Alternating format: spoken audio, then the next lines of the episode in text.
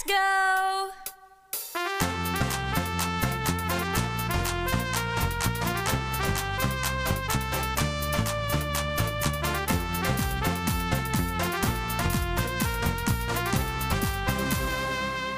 Podcast Osaka.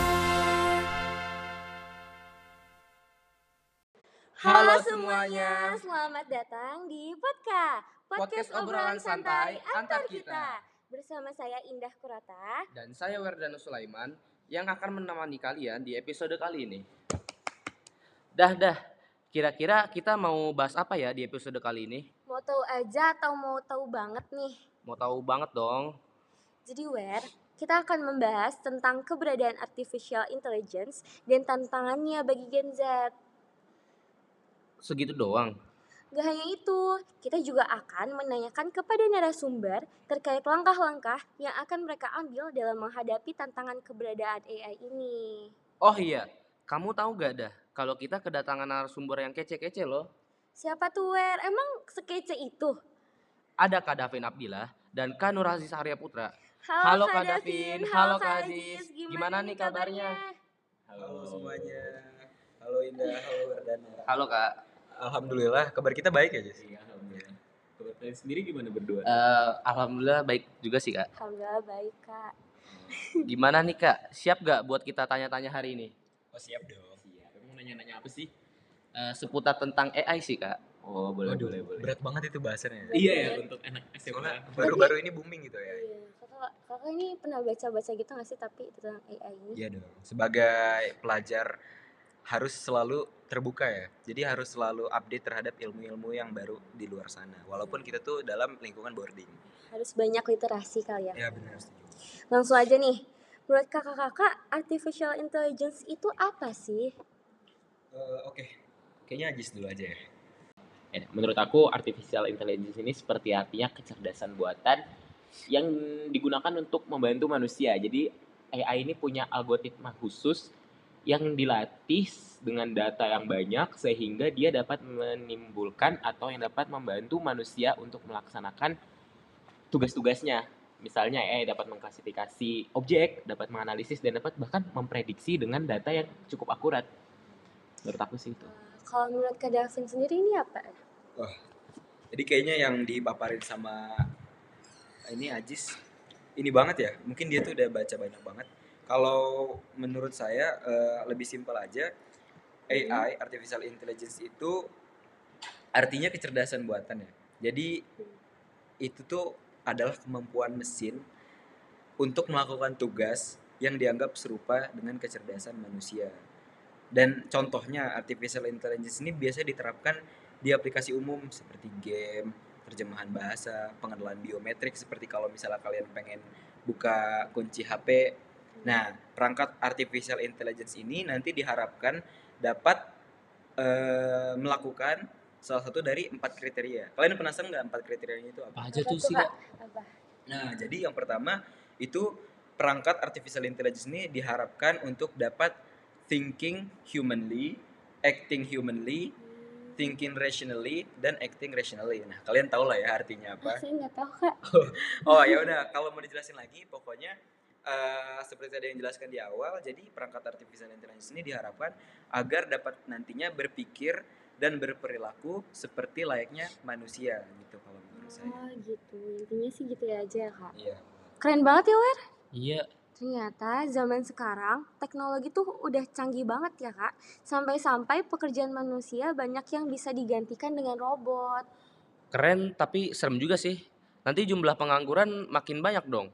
Nah kak, menurut kakak apa aja sih tantangan yang muncul dari keberadaan artificial intelligence bagi kita sebagai Gen Z nih kak?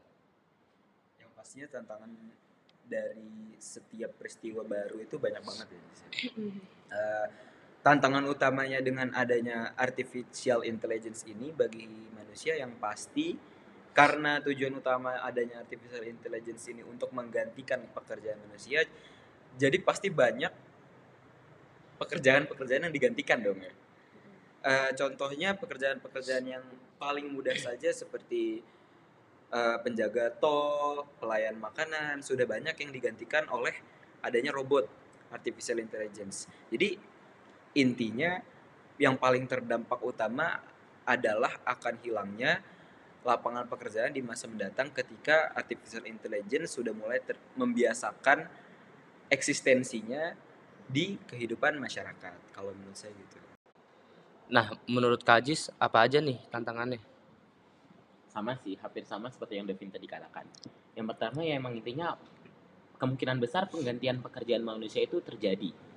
Karena perusahaan pasti kan motonya menghas apa memiliki keuntungan setinggi mungkin dengan modal sedikit Kecil mungkin, mungkin, iya. kecil mungkin. Iya jadi sekarang perusahaan yang dulunya padat karya akan mengubah menjadi padat modal yang penting dia akan meningkatkan terus teknologi teknologinya karena emang terbukti kalau kita menggun- menggunakan manusia dengan kecerdasan buatan atau artificial intelligence ini hasilnya akan lebih efisien dengan AI. Maka yang paling utama yaitu pekerjaan manusia akan da- tergantikan. Terus AI juga dapat mengancam privasi dan keamanan data pribadi. Ya kan? Kita Iya. hidup di dunia yang sekarang udah teknologi itu udah maju Dan, dan terus berkembang ya. ya dan terus berkembang dan itu pasti memiliki sisi negatifnya sendiri kan ada aplikasi eh website AI yang dapat kita upload aja foto Iya. itu bisa men-tracking di mana orang itu ada Di mana lokasi itu tempat foto itu berada gitu. iya jadi Betul. selama dia upload fotonya dia dengan kita mengupload satu foto orang itu kita bisa tahu itu semua foto-foto mereka dan lokasinya makanya AI itu di satu sisi baik yang tadi membantu pengefisiensi kerja di sisi lainnya juga negatif yaitu mengancam privasi dan keamanan data pribadi menurut aku sih itu Hmm. Jadi eh, lumayan juga ya tantangannya, bukan lumayan lagi malahan kayak ini bahaya banget gitu buat kita ke depannya. Takut gak sih War? Dibilang takut, takut juga sih. Kan tadi kakak udah memaparkan nih tantangan-tantangan yang muncul dari AI ini. Terus apa sih langkah-langkah atau strategi yang kakak lakukan untuk menghadapi keberadaan AI? Iya kak, sharing dong. Soalnya saya juga takut. Emang takut banget War?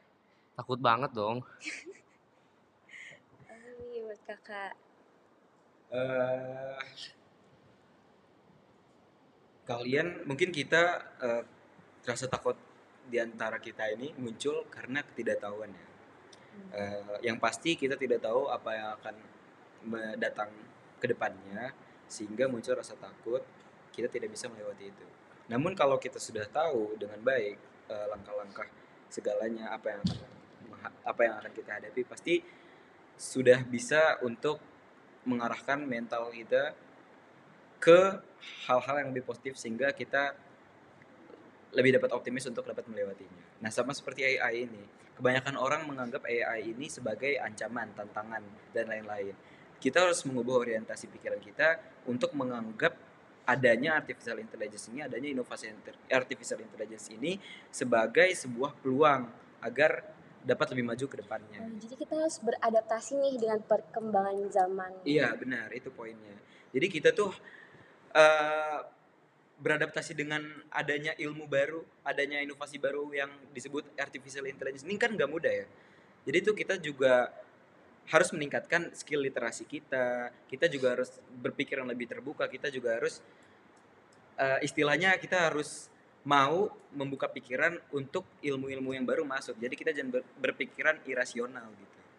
Jadi kita harus tetap mengembangkan diri kita secara keilmuan untuk eh, mengetahui apa saja tantangan-tantangan yang akan dihadapi yang akan disebabkan oleh adanya artificial intelligence ini dan kita dapat mengubahnya sebagai peluang agar lebih bisa kita manfaatkan ke depannya gitu.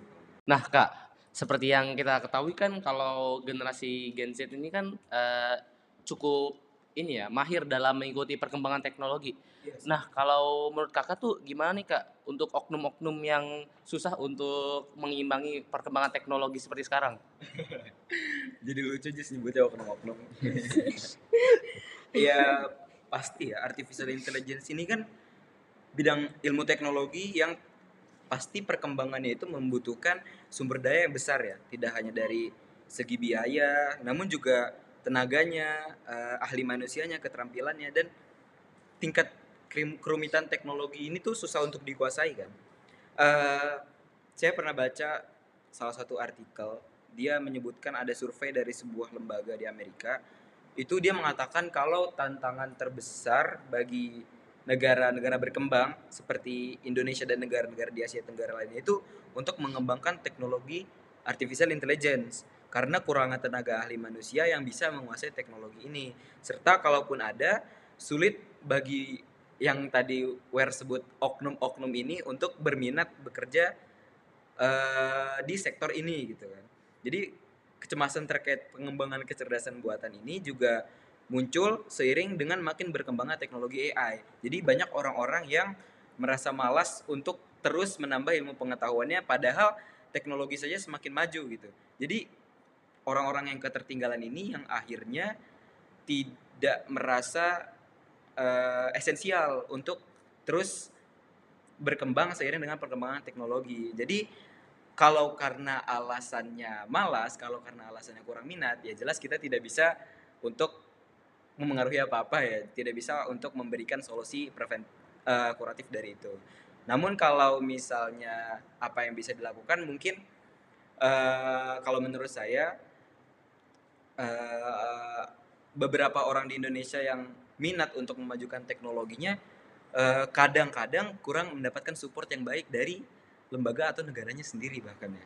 Jadi mungkin eh, negara kita yang dikategorikan sebagai negara berkem- berkembang ini dapat lebih memfasilitasi dari segi edukasi, dari segi biaya untuk untuk generasi-generasi selanjutnya atau generasi-generasi yang sekarang dapat terus mengembangkan diri mereka sehingga lebih terbiasa dengan adanya teknologi artificial intelligence ini dan dapat mengikuti kemajuan serta inovasi-inovasi baru dapat dikeluarkan dari negara kita sendiri kalau menurut saya sih gitu. Wah, sangat menginspirasi. Jadi buat para pendengar podcast bisa banget nih buat ngikutin langkah-langkah atau strategi Kak Davin dan Kak Aziz dalam menghadapi AI. Yaps, bener banget. Tapi sebenar, sebenarnya nih Kak, apa sih pendapat Kakak sejujurnya tentang keberadaan AI ini? Menurut kakak, AI ini sebuah ancaman atau dapat mempermudah kehidupan manusia? Iya, setuju atau enggak nih Kak? Oke. Di satu sisi bisa dikatakan setuju, di satu sisi enggak. Kenapa? AI ini emang benar bisa membantu manusia untuk mempermudah menjalankan hidupnya. Seperti contoh, dokter dengan gaji termahal yaitu radiologi yang berfungsi untuk menganalisis masalah pasien yang di misalnya CT scan, MRI itu bisa digantikan dengan AI atau sekarang udah ada aplikasi atau apa namanya?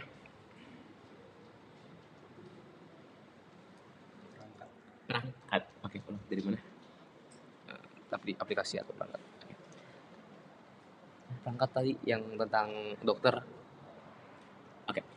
di satu sisi setuju di satu sisi enggak sebenarnya AI ini emang dapat membantu manusia. Jika manusia itu dapat beradaptasi dengan perkembangan zaman. Contohnya gini. Dokter dengan gaji tertinggi yaitu radiologi sudah mulai tergantikan posisinya. Karena AI atau artificial intelligence sendiri ini ada perangkat yang membantu dokter untuk menganalisis penyakit itu. Bisa lebih akurat dan bisa lebih spesifik. Jadi bayangkan dokter gaji paling tinggi bisa digantikan oleh AI. Makanya AI ini sendiri emang bisa menjadi ancaman yang besar, bisa menjadi apa namanya eh, peluang. Peluang untuk kehidupan manusia juga. Iya, tergantung kita menyikapinya. Jadi kita kembalikan di, kembali ke manusia sendiri itu sih menurut aku. Menurut Kak Davin sendiri, setuju atau enggak nih dengan keberadaan AI ini? Eh, sebenarnya cara saya berpikir kayaknya mirip-mirip sama Ajis nih. S- saya setuju nggak setuju dengan adanya artificial intelligence ini. Tergantung bagaimana cara kita menyikapinya. Jadi kan tadi disebutin ya, udah banyak loh ada dampak positif dari AI ini seperti tadi disebutin Kak Ajis untuk kesehatan dan dapat juga digunakan untuk perbankan dan lain-lain. Tapi teknologi AI ini ada beberapa oknum-oknum yang menggunakannya dengan cara tidak baik. Contohnya manipulasi data dan lain-lain. Jadi antara dampak positif dan dampak negatif AI ini kan berbanding lurus ya semakin ada ditemukan AI yang baru semakin banyak dampak positif yang bisa dikeluarkan semakin banyak juga dampak negatif yang dikeluarkan ya. jadi tergantung bagaimana kita sebagai masyarakat yang penikmat dari adanya munculnya teknologi AI ini untuk menyikapinya. Jika digunakan sebaik mungkin sesuai tujuannya untuk membantu eh, untuk menambah efisiensi pekerjaan manusia maka saya setuju dengan keberadaan AI ini. Tapi malah jika digunakan untuk eh, membantu membantu pekerjaannya sih namun untuk merugikan kita sebagai masyarakat seperti tadi data yang bocor seperti penipuan dan lain-lain maka ya sudah jelas saya tidak setuju Hmm. Tapi kalau lebih dominan, lebih dominan setuju atau enggak nih kak? eh sejauh ini jujur saya memiliki ketertarikan yang tinggi dalam bidang teknologi ya. Jadi ke depannya saya akan lebih banyak belajar mengenai teknologi terbaru ini dan salah satunya adalah artificial intelligence ini. Jadi eh safe to say saya lebih setuju dengan adanya artificial intelligence ini. Oke, dari tadi kan Kak Davin dan Kak Aziz semua nih yang ditanya. Sekarang, War dong, gimana nih setuju atau enggak? Nah, kalau Nah, kalau menurut aku sih eh, aku juga setuju nggak setuju sih. Selagi kalian bisa mengikuti perkembangan zaman, kenapa tidak? Dan juga AI itu dapat memberi kita mempermudah pekerjaan kita sehari-hari kan. Dan di samping itu juga memiliki dampak negatif ya. Dan aku juga lebih dominan ke setuju eh ini iya setuju sih. Setuju ya. Oke. Nggak kerasa nih kak, kita udah berada di penghujung episode. Wah, iya cepet banget dong. Iya, cepet Dua banget. menit tuh tadi. Emang kalau ada bahasan kayak gini tuh Iya. lupa waktu. Iya asik soalnya ya. Iya seru banget. Jadi nggak terasa. Makasih, makasih ya Kak Davin dan Kak Aziz udah menemani kita di episode kali ini. Oh iya. Iya, Sama. Terima kasih juga nih buat para pendengar podcast yang sudah setia mendengarkan. Semoga episode kali ini dapat memberi manfaat bagi teman-teman semua. Yaudah nih Wer, kayaknya kita harus pamit dulu deh. Eh, tunggu tunggu. Eh, apa Aku tuh? punya pantun nih. Wah, betul betul. Tersesat di jalan hendaklah bertanya. Tapi jangan sampai pakai nanya. Asik. Terima kasih atas undangannya. Sukses selalu untuk selanjutnya. Terima kasih ya, Wer. Saya Werdana Sulaiman. Saya Indah Kurata. Kami pamit undur diri. Sampai jumpa di podcast selanjutnya. Dadah.